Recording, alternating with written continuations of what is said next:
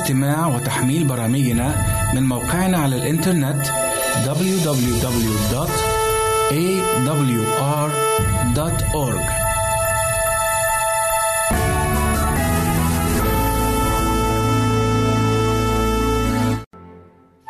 وكان في تلك المنطقة رعاة يبيتون في العراء يتناوبون حراسة قطيعهم في الليل. وإذ ملاك من عند الرب قد ظهر لهم ومجد الرب أضاء حولهم فخافوا أشد الخوف. فقال لهم الملاك لا تخافوا فها أنا أبشركم بفرح عظيم يعم الشعب كله. فقد ولد لكم اليوم في مدينة داود مخلص هو المسيح الرب. وهذه هي العلامة لكم تجدون طفلا ملفوفا بقماط ونائما في مذود. وفجأة ظهر مع الملاك جمهور من الجند السماوي يسبحون الله قائلين المجد لله في الأعالي وعلى الأرض السلام وبالناس المسرة. ولما انصرف الملائكة عن الرعاة إلى السماء قال بعضهم لبعض لنذهب إذا إلى بيت لحم وننظر هذا الأمر الذي حدث وقد أعلمنا به الرب. وجاءوا مسرعين فوجدوا مريم ويوسف والطفل نائما في المذود. فلما رأوا ذلك أخذوا يخبرون بما قيل لهم بخصوص هذا الطفل. وجميع الذين سمعوا بذلك دهشوا مما قاله لهم الرعاة. وأما مريم فكانت تحفظ هذه الأمور جميعا وتتأملها في قلبها. ثم رجع الرعاة يمجدون الله ويسبحونه على كل ما سمعوه ورأوه كما قيل لهم.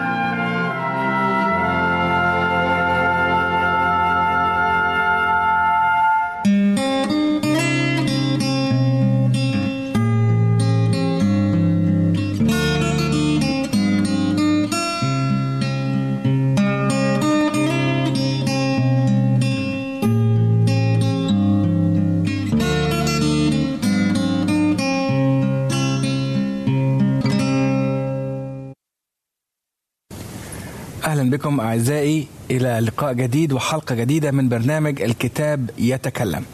في هذا اللقاء سنكمل حديثنا عن مجيء السيد المسيح وموضوع بعنوان الغاية من مجيء السيد المسيح.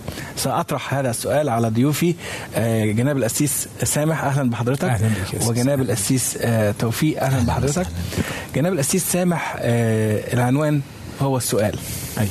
لأية غاية يأتي السيد المسيح؟ خطة الخلاص اللي وضعها المسيح منذ البداية منذ سقوط أبوينا الأولين وضع خطة خلاص لاستعادة الإنسان مرة أخرى إلى الحياة اللي فقدها نعم. المسيح إداله حياة أبدية وهو خسرها آدم خسرها نعم. فالمسيح كان غرضه الاستعادة وعلى الصليب قدم الثمن قدم الفداء ووعد قبل ما يقدم نفسه فدية على عود الصليب. إدى وعد حلو قوي في يوحنا إصحاح 14 وعدد 2 و3 قال أنا أمضي لأعد لكم مكانا وإن مضيت وأعددت لكم مكانا آتي أيضا وأخذكم إلي حتى حيث أكون أنا تكونون أنتم أيضا. يبقى اذا هو وعد بأنه لما يجي مرة تاني هياخدنا معاه وهيعد مكان لينا قبل ما يجي. فهذه هي الغاية من مجيء اللي مزبوط. هو ياخدنا. مظبوط. ما يسيبناش. طيب هل كانت ستكتمل يعني خطة الفداء لو آه لم أو لن يأتي المسيح أو لا يأتي المسيح؟ لا. ما كده خطة الفداء تمت على عود الصليب بس خطة الخلاص ما كانتش هتكمل إذا ما رجعناش للحياة اللي هو اداها فاهم فإيه معنى إيه معنى إن هو يبتدي؟ آه. وما ينهيش. أكيد أكيد. وعشان كده إحنا متأكدين. السيس سامح إنه آه المجيء الثاني هو حقيقة وسيتتم هذه الحقيقة في في الوقت المناسب. صحيح. لأن مش معقول آه المسيح يأتي إلى هذا العالم في المجيء الأول أيوه ويعيش بيننا ويصلب ويموت ويقوم ويصعد إلى السماء وما ينفذش الجزء الثاني من الخطة. ده صحيح. آه، الفداء أو الفداء الذي تم صح. آه، لا ينتهي إلا بمجيء المسيح ثانية. تمام. آم، مهمة الملائكة مم. أسيس توفيق في هذا الحدث المجيء العظيم آه، ما هي؟ اولا مجيء المسيح زي ما آه، بيوصف لنا الكتاب المقدس سيأتي من السماء ومعه الملائكة.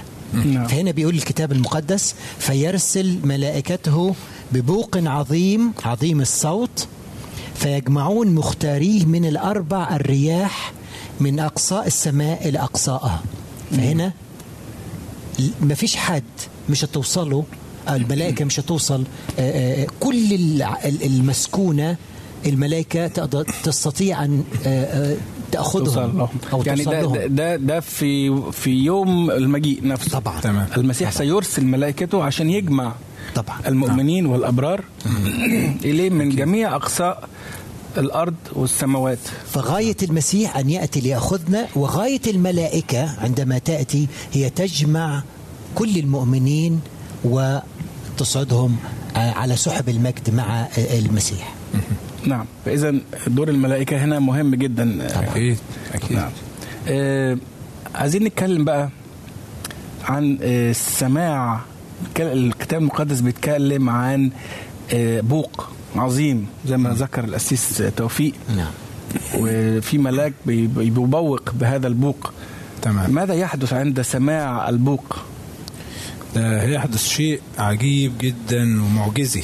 يعني نقرأ عنه في تسالونيك الأولى 4 16 يقول الكتاب لأن الرب نفسه بهتاف بصوت رئيس ملائكة وبوق الله سوف ينزل من السماء والأموات في المسيح سيقومون اولا.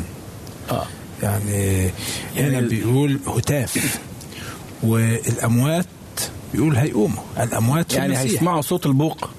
أو هو البوق ده اللي- اللي علامة ال- القيامة بوق و...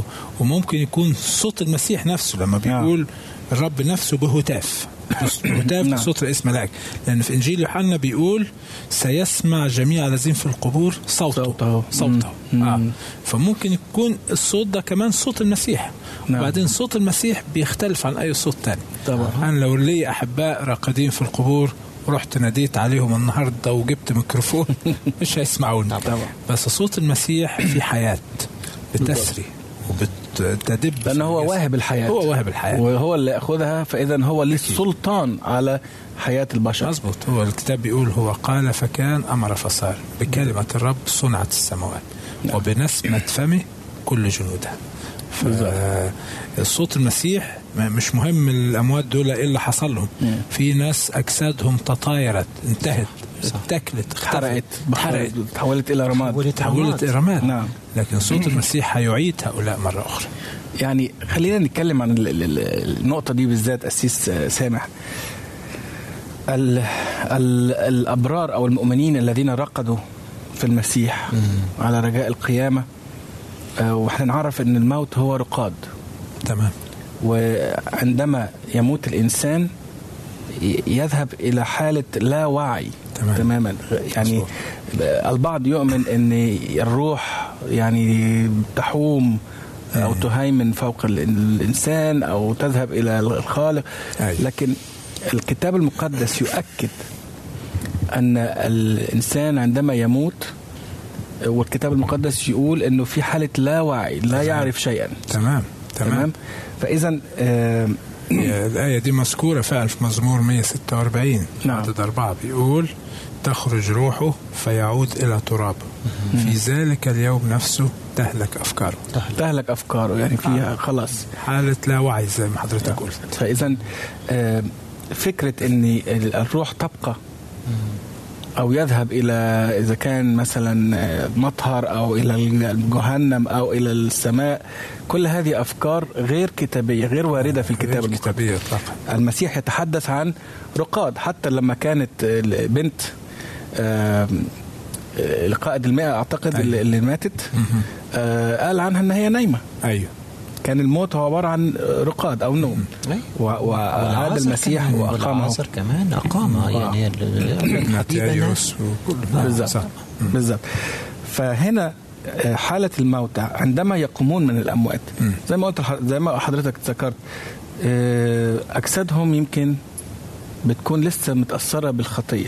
أي. إيه اللي بيحصل لأجساد ال- ال- ال- الأبرار أو المؤمنين عندما يقوموا آه. يمكن ده سؤال مش مذكور عندنا دلوقتي بس برضو نحب نوضحه لل- للمشاهدين المتابعين الحلقة هو ذكروا في كورنثوس الأولى 15 نعم. بيقول لا نرقد كلنا ولكننا كلنا نتغير نتغير في لحظة في طرفة. عين.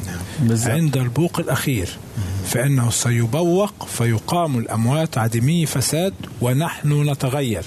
جميل. لأن هذا الفاسد لابد أن يلبس عدم فساد وهذا المائت يلبس عدم موت. نعم. يعني أجساد لن ترى فساد. لن تتحلل لن آه ده بعد القيامة بقى بعد القيامة خلاص بالظبط. هن- ربنا هيدي طبيعة جديدة أجساد غير قابلة للفساد غير قابلة للشيخوخة كل ده هينتهي. هنعيش الأبدية طبعا آه. آه مع مع المسيح فاذا أكيد. مش هنكبر ولا نعجز ولا نموت. خلاص. لا طبعا لأنه آه، طبعا في آيات كثيره في الكتاب المقدس آه، بتقول كيف إن إحنا هنتغير طبعا آه، معروف إنه آه، آه، الإنسان آه، لما بيموت ويدفن بيتحلل. بالظبط. فهنا آه، كيف يرجع تاني ويصير إنسان بنفس الجسد وبنفس الروح وبنفس الاسم؟ هذا هي المعجزة اللي, بتح... اللي هتحصل عند مجيء المسيح. نعم. بالبوق الأخير سنقام من الأموات كل اللي ماتوا على رجاء القيامة على لما يجي المسيح. نعم. فكل الأشياء دي م- م- موجودة في الكتاب المقدس. تمام. بالظبط. تمام. اتفضل يا وكمان أسيس. هي مش بس الطريقة اللي هيمنح بها المسيح الحياة الأبدية هي نفس الطريقة اللي أعطاها لآدم وامرأته هي نفسها.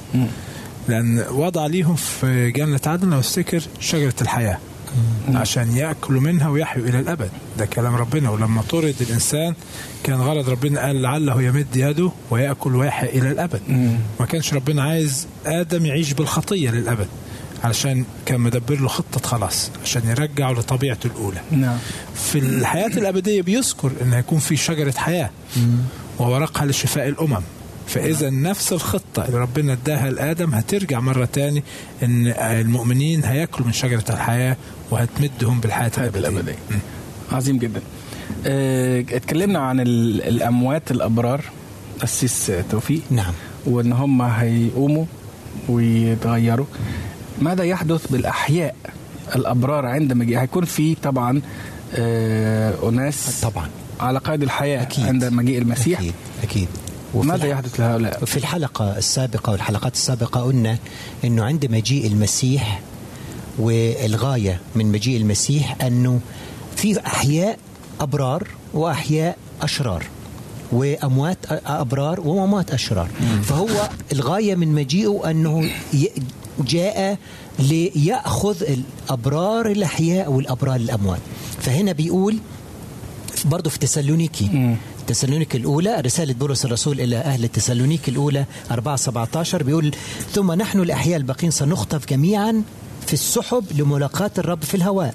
وكمان بيكمل بيقول لا نرقد كلنا ولكننا نتغير في لحظة في طرفة عين عند البوق الأخير. نعم نعم. فهنا الأحياء الأموات هيقوموا أولا ثم ثم نحن ال- ال- ال- ال- ال- الأحياء. الأحياء الأموات في المسيح والأحياء نخطف جميعا ونتقابل مع المسيح دي قيامة. الأبرار نقدر نقول عليها أسيس آه. أسامة تمام والأشرار الأحياء دلوقتي آه، يحصل لهم إيه ده اللي هنتكلم عنه بعد الفاصل هنتكلم عن الأشرار الأحياء وإزاي إيه اللي هيحصل فيهم في في قيامة الأبرار تمام. آه، بعد الفاصل. أحبائي آه، لا تنسوا أن تكتبوا إلينا واسألوا آه، أو اطرحوا علينا أي سؤال يدور في أذهانكم.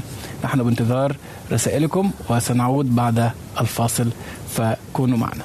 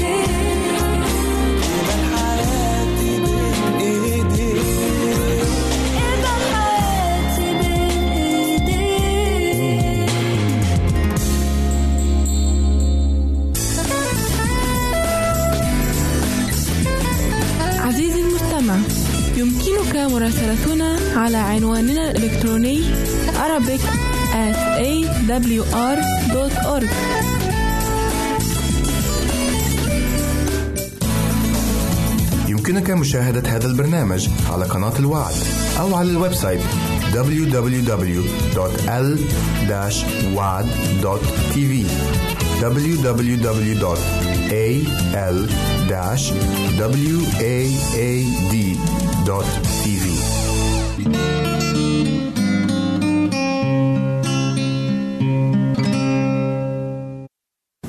عدنا إليكم مستمعين لنكمل موضوعنا عن القيامة. وما يحدث عند مجيء المسيح بالنسبة للأشرار وبالنسبة للأبرار والغاية من مجيء المسيح.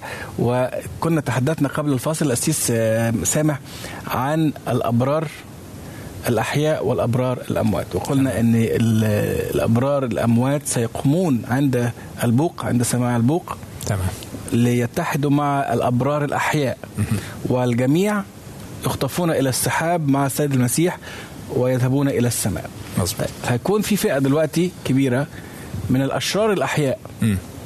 وفئة من الأشرار الأموات. نتكلم دلوقتي عن الأشرار الأحياء. أيوه يحصل لهم إيه بقى في الوقت أشرار ده الأحياء بيذكر لنا سفر الرؤيا في أصحاح ستة ودي بت بتوري مجيء المسيح الثاني والأحداث اللي هترافق مجيء المسيح الثاني. نعم. فبيذكر من عدد 12 خلينا نقرأ من عدد 12 بيقول ونظرت لما فتح الختم السادس وإذا زلزلة عظيمة حدثت والشمس صارت سوداء كمسح من شعر والقمر صار كالدم ونجوم السماء سقطت إلى الأرض كما تطرح شجرة التين سقاطة إذ هزتها ريح عظيمة. والسماء انفلقت كدرج ملتف وكل جبل وجزيرة تزحزحا من موضعهما.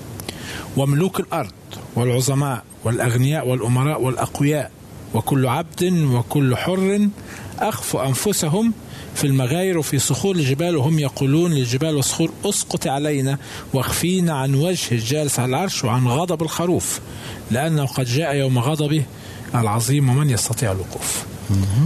فواضحة إن الأحداث اللي برافق مجيء المسيح الثاني بترافقها هيكون يوم خوف وذعر بالنسبة للخطاة لما يشوفوا المسيح جاي وبيقول الكتاب إن هم أخفوا أنفسهم.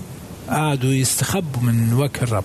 صح. وطلبوا من الصخور والاكام إن هي تسقط عليهم عشان تخفيهم عن وجه الجالس على العرش. وهيموتوا فعلا. هذا ده مصير الأشرار الأحياء. الأحياء. مظبوط. الأشرار آه. طيب بالنسبة للأشرار الأموات. الأشرار الأموات بيوضحها موضوع الألف سنة في رؤية عشرين. بيوضحها في عدد خمسة بيقول الأول بيتكلم عن الأبرار اللي هم كانوا ميتين وقاموا ومع ال- الأحياء اللي كلهم صعدوا وتغيروا بيقول فعاشوا وملكوا مع المسيح ألف سنة. وأما بقية الأموات فلم تعش حتى تتم الألف سنة. آه. بقوا آه. في بقي تعش القبور لم يعني. تحيا آه. لم تحيا. بقوا في قبورهم. آه. وجم اللي كانوا أحياء ماتوا كمان جنبيهم. جنبي آه خلص آه. لمدة ألف سنة كاملة. لمدة ألف سنة. طيب. نتكلم بقى عن حالة الموتى. قسيس آه، توفيق. مثلا الإنسان عندما يموت إذا كان مؤمن أو غير مؤمن آه، ماذا يحدث للإنسان عندما يموت؟ أكيد إحنا آه، بنشبه الموت زي ما قلنا بالرقاد بال- بالنوم. نعم. وده اللي بيقوله الكتاب المقدس وبيعلمنا. وبعض الأحيان لما نتساءل كيف إن الإنسان آه، بيموت. هو الإنسان آه، عبارة عن تكوين. الروح النفس لأن ال ال ال ال في آه، تكوين. لما خلق الله الإنسان الأول جبل ترابا من الأرض. وبيقول الكتاب شكل هذا ال- التراب طين. وشكله وبعدين فنفخ في أنفه نسمة حياة. نسمة حياة. يبقى هنا نسمة الحياة اللي أعطت للتراب حياة. بالظبط. فصار الإنسان نفسا حية تمام. فهنا تكوينه إيه؟ تكوينه تراب زائد نفس. نفس أو نفس آه، آه، آه، يعني نف- نفخة. نسمة. نفخة أو نفس ن- نسمة من من عند الله. فصار الإنسان نفسا حيه لو شلنا ال- ال- ال- الن- النفس ده أو النفخة دي. إيه اللي هيحصل؟ هيصير ميت هيصير. تراب. فعشان كده آه، لما الإنسان بيموت وأنا آه، كان عندي اختبار شفت بعض الأشخاص اللي هم بي بي بيموتوا بيموتوا حي لا شفت ال- ال- النفخة أو النفس أو الروح دي بتطلع زي حمامة ولا بتطلع كذا حاجات. كل الحاجات دي خرافات إحنا ما نؤمنش بيها. النفس بيتوقف الإنسان بيموت. بس يموت خلاص الجسم بي بي بيرجع لطبيعته. أيوة. بتتركه في التراب يتحول إلى تراب نهائي. بيرجع إلى التراب زي ما بيقول الكتاب المقدس. لكن في, في في ناس بتؤمن إن ال- النفس أو الروح الروح بقى. الروح آه. يعني تبقى. الآية اللي قراها الأسيس توفيق واضحة جدا جدا وبتريح وفي آيات كتير بتتكلم عن موضوع الروح. بس خلينا نرجع للآية تاني اللي هي في تكوين اتنين بيقول تكوين اتنين سبعة وجبل الرب الإله آدم ترابا من الأرض. هو بيقول كيف اتصنع آدم. نعم. وجبل الرب الإله آدم. كيف تكون آدم؟ ترابا من الأرض. التراب ما اسموش آدم. تراب. ونفخ في أنفه نسمة حياة. نسمة الحياة ما اسمهاش آدم. لا التراب آدم ولا نسمة الحياة آدم. فصار آدم نفسا حية. يبقى الاثنين العنصرين لما اندمجوا مع بعض ركبوا مع بعض. صار آدم صار إنسان. نعم. اذا النسمة وحدها مش آدم التراب لوحده مش آدم. نعم. لما دخلوا الاثنين مع بعض واندمجوا مع بعض بطريقة ب- بالطريقة الإلهية اللي هو عملها بها ربنا ده عمل ربنا مش عملنا إحنا. دمج الاثنين مع بعض كون الإنسان الحي. الكائن الحي اللي اسمه الإنسان أو آدم. طيب وضع وضع الإنسان الذهني أو بعد الموت أو أو حالة ال- الإنسان بعد الموت آه. تكون عبارة عن إيه؟ آه. في آيات كتيرة واضحة. إحنا قلنا الآية اللي هي في مزمور 146 تخرج روحه فيعود إلى ترابه. في ذلك اليوم نفسه تهلك أفكاره. وفي آية تاني لأن في ناس بيقولوا إن الأبرار بيطلعوا فوق في السماء. صح. ماتوا طلعوا في السماء. طيب في السماء الكتاب بيقول إن الله تسبيحه قائم إلى الأبد. تسبيحه الملائكة بتسبحه طب ال- الإنسان ده اللي هو عايش في السماء البار ده مش هيشترك معاهم في التسبيح؟ آه. لو عايش فوق هيشترك أكيد يعني في التسبيح مش هيقعد ساكت. لكن الكتاب واضح في مزمور 115 وعدد 17 يقول ليس الأموات يسبحون الرب ولا من ينحدر إلى أرض السكوت. أرض السكوت الهدوء الأرض الهادية أرض الموتى. الموتى موتى الراقدين. أنت بت- بتدفن. آه. في آيات تاني لو رجعنا يعني ال- ال- السؤال قبل ما تطلع الآية آه. الثانية السؤال هو أسيس ما الغاية إحنا بنتكلم عن غاية المجيء. آه. ما الغاية من مجيء ال- المسيح مرة ثانية والابراج صح. هناك. يعني والكتاب واضح إن هو هيقيم الأبرار. آه مظبوط. ما الغاية من مجيئه لو كانوا الأبرار موجودين في السماء هينزلهم تاني يعني تاني ويطلعهم يعني. ويقومهم يموتهم ويقومهم تاني. مش معقول يعني. الغاية من مجيء المسيح. هو, هو أن القيامة لأنه يقيم أنا. أنا هو القيامة والحياة. والحياة. القيامة والحياة. وده وعد. فإذا كان هيجي عشان يقوم الأموات يقيم الأموات فلو هم موجودين في السماء لغاية دلوقتي يبقى مش لازم يجي. يبعت الملائكة ياخدوا ال ال ال ال الأبرار الباقيين. الباقيين. الأحياء. الأحياء. ويدين وبعدين الأشرار وخلاص. ويدينوا خلاص. لكن ال- لكن الكتاب واضح إن هو هيقيم الأبرار. الأموات في المسيح, المسيح. يقومون اولا. آه. الأموات في المسيح فاذا الأموات في المسيح هم موجودين آه. في القبور وليس أكيد. في ال- أكيد. في في السماء. وبعدين في مزمور ستة بيقول لأنه ليس في الموت ذكرك في الهاوية من يحمده. والهاوية هنا عن القبر. بالظبط. الهاوية وثانيا إنجيل يوحنا 14 واحد من واحد لثلاثة بيقول أنا ذاهب لأعد لكم مكانا وإن أعددت المكان آتي أيضا. لأخذكم. فلو هم موجودين هناك بيقول لك مش لازم آجي أنا. موجودين أحطهم في المنازل المنازل الكثيرة. فهي دي باينة إنه فعلا أو واضحة في الكتاب المقدس إن المسيح سيأتي والغاية من مجيئه أنه يقيم الأموات في المسيح والأحياء ونقام كلنا ونصعد معه في. ناخد كلمات الرب يسوع نفسه في إنجيل يوحنا أصحاح خمسة نعم وعدد 28 بيقول لا تتعجبوا من هذا فإنه تأتي ساعة فيها يسمع جميع الذين في القبور صوته. آه. فيخرج الذين فعلوا الصالحات إلى قيامة الحياة والذين عملوا السيئات إلى قيامة الدينونة الجميع هنا بيقول لك جميع. آه. جميع. الذين فعلوا الصالحات هم في القبور. في القبور بس. هيسمعوا صوت المسيح وهيقوموا من هيقوموا. الأموات. فإذا آه الإنسان اللي بيقول لما قريب واحد مثلا مات مؤمن بيقول دلوقتي هو مع المسيح آه. أو هو يعني دي آه، لو أنا ما أحبش احبائي المشاهدين حد يزعل مني بس هنقولها من الكتاب نعم. تصديق الناس إن الإنسان حتى بعد ما بيرقد إنه ما ماتش.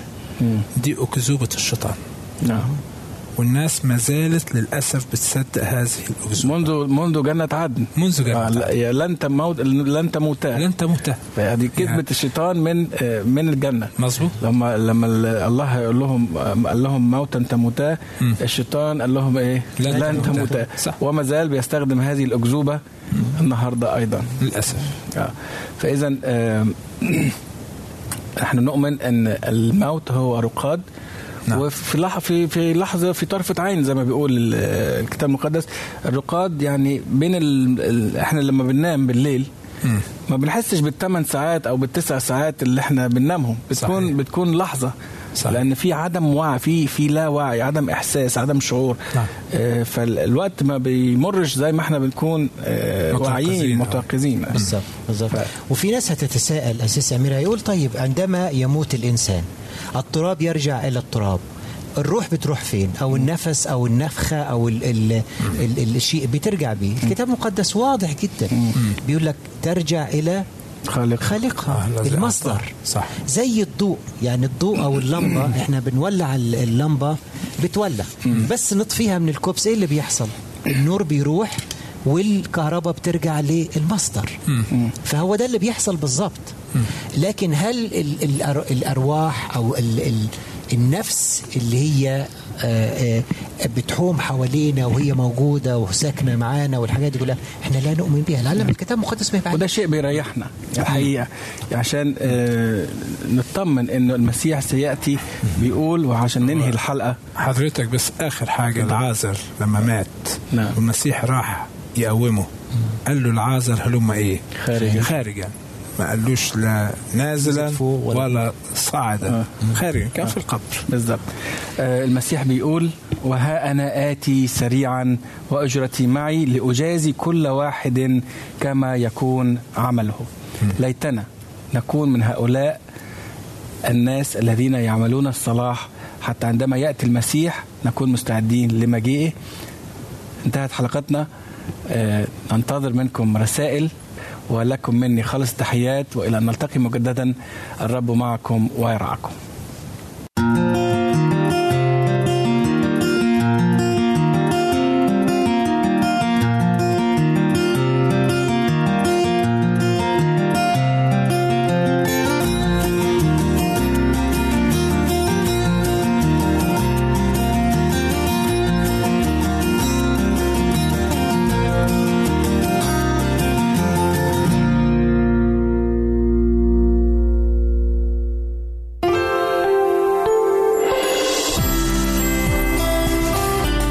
إذاعة صوت الوعد. لكي يكون الوعد من نصيبك. عزيزي المستمع يمكنك مراسلتنا على البريد الإلكتروني التالي Arabic at awr.org العنوان مرة أخرى Arabic at awr.org ونحن في انتظار رسائلك واقتراحاتك نحب أن نسمع منك. راسلنا على البريد الإلكتروني Arabic at awr.org. نحن ننتظر رسائلكم واستفساراتكم. وكان في تلك المنطقة رعاة يبيتون في العراء يتناوبون حراسة قطيعهم في الليل وإذ ملاك من عند الرب قد ظهر لهم ومجد الرب أضاء حولهم فخافوا أشد الخوف فقال لهم الملاك لا تخافوا فها أنا أبشركم بفرح عظيم يعم الشعب كله. فقد ولد لكم اليوم في مدينة داود مخلص هو المسيح الرب. وهذه هي العلامة لكم تجدون طفلا ملفوفا بقماط ونائما في مذود. وفجأة ظهر مع الملاك جمهور من الجند السماوي يسبحون الله قائلين المجد لله في الأعالي وعلى الأرض السلام وبالناس المسرة. ولما انصرف الملائكة عن الرعاة إلى السماء قال بعضهم لبعض لنذهب إذا إلى بيت لحم وننظر هذا الأمر الذي حدث وقد أعلمنا به الرب. وجاءوا مسرعين فوجدوا مريم ويوسف والطفل نائما في المذود.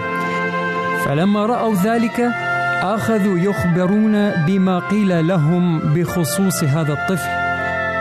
وجميع الذين سمعوا بذلك دهشوا مما قاله لهم الرعاة. وأما مريم فكانت تحفظ هذه الأمور جميعا وتتأملها في قلبها. ثم رجع الرعاة يمجدون الله ويسبحونه على كل ما سمعوه ورأوه كما قيل لهم.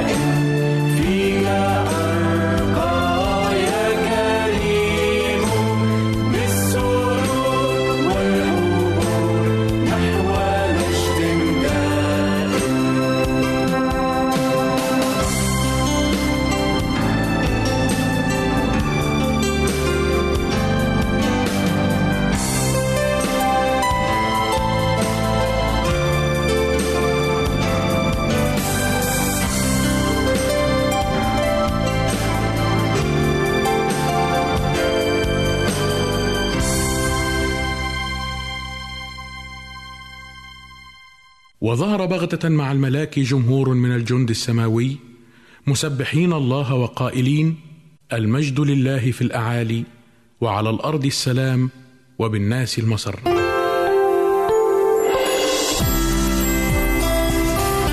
هنا إذاعة صوت الوعد. لكي يكون الوعد من نصيبك. عزيزي المستمع يمكنك مراسلتنا على البريد الإلكتروني التالي Arabic at awr.org العنوان مرة أخرى Arabic at awr.org ونحن في انتظار رسائلك واقتراحاتك. نحب أن نسمع منك. راسلنا على البريد الإلكتروني Arabic at awr.org نحن ننتظر رسائلكم واستفساراتكم. نلتقي بكم أعزائنا المستمعين اليوم لنقدم لكم حلقة جديدة من البرنامج الشيق هل تعلم؟ والذي يتضمن مجموعة من المعلومات التي نرجو أن تنال رضاكم فأهلا ومرحبا بكم معنا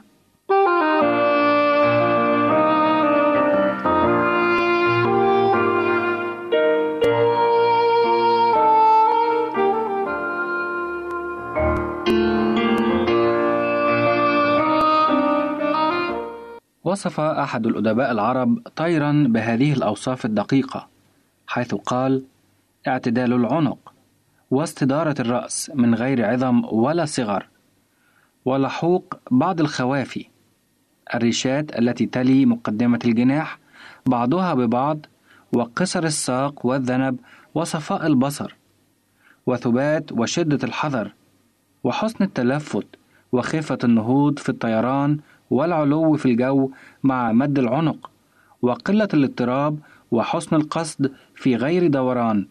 فهل تعلم ما هو هذا الطير؟ إنه الحمام الزاجل الذي كان يختار بدقة ويتم تدريبه ليحمل الرسائل مسافات بعيدة. عرفت الشعوب منذ أقدم العصور مقدرة الحمام في التعرف على طريق العودة إلى مأواه الأصلي. فقد استخدمته جيوش الفراعنة والفرس والأشوريين والفينيقيين في نقل الرسائل من مواقع القتال. أما تدريب الحمام فكان يبدأ بعد اختياره وانتقائه صغيرا فتحمل الفراخ جائعة إلى سطح إحدى الدور في منتصف النهار وينشر الحب على السطح حول صار فوقه علم على أن يكون العلم واضح اللون حتى يمكن الاهتداء إليه وفي أغلب الأحيان كان إطلاق الفراخ بعد مدة من قص ريشها على أن تطلق مثنى بحيث تكون إحداهما أحدث قصا لريشها من صاحبتها.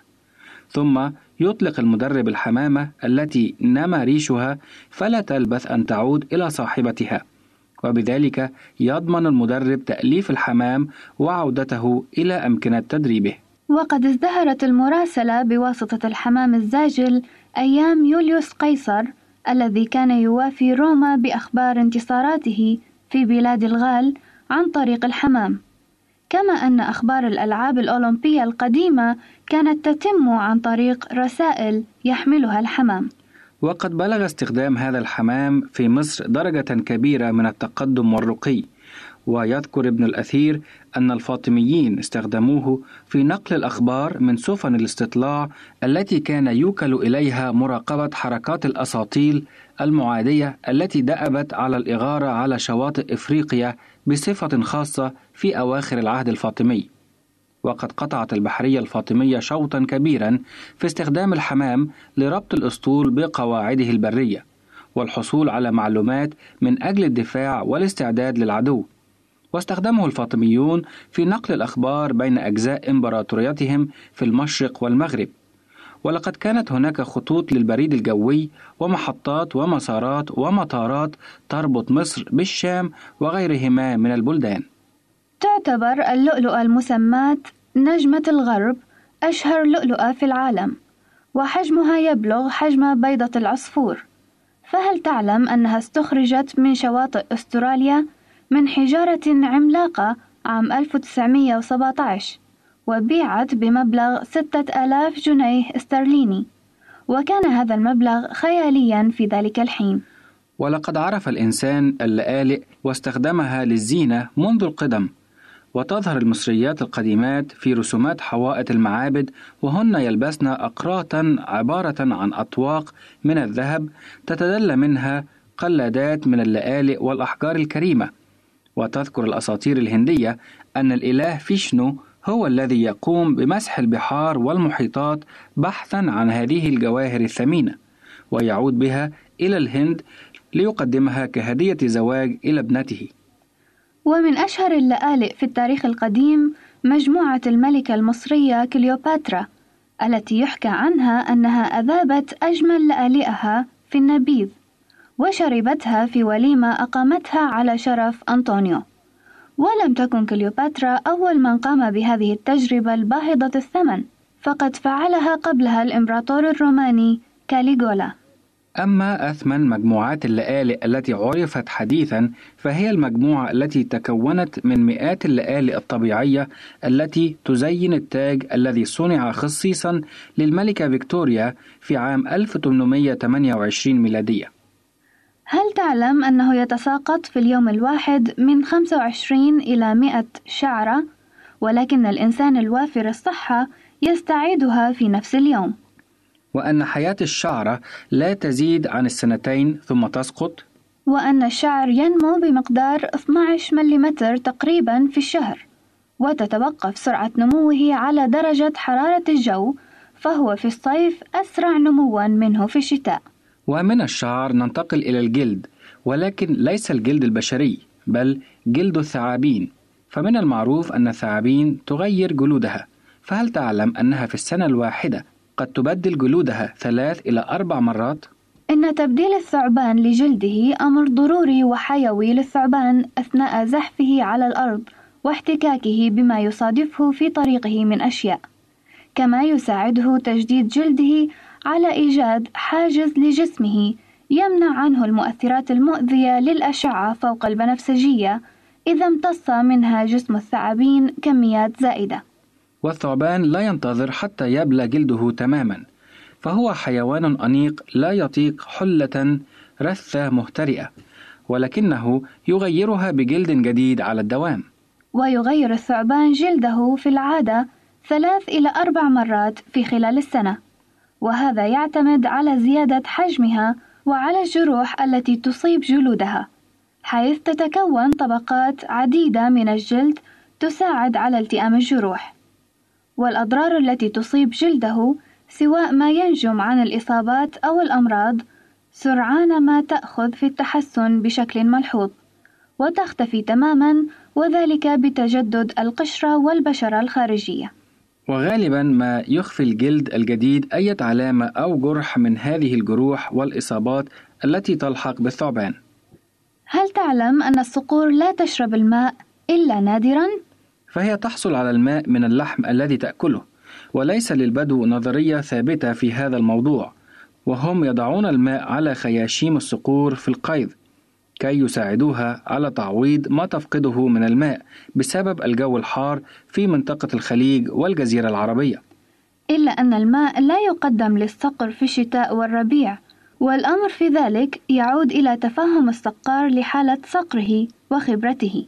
وإذا كان الصقر يشرب الماء كثيرا فذلك دليل المرض أو نذير بأن حالة الطير الصحية في تدهور والواقع أنه إذا كان نظام الغذاء جيدا فلا خطر على الصقر من الموت عطشا.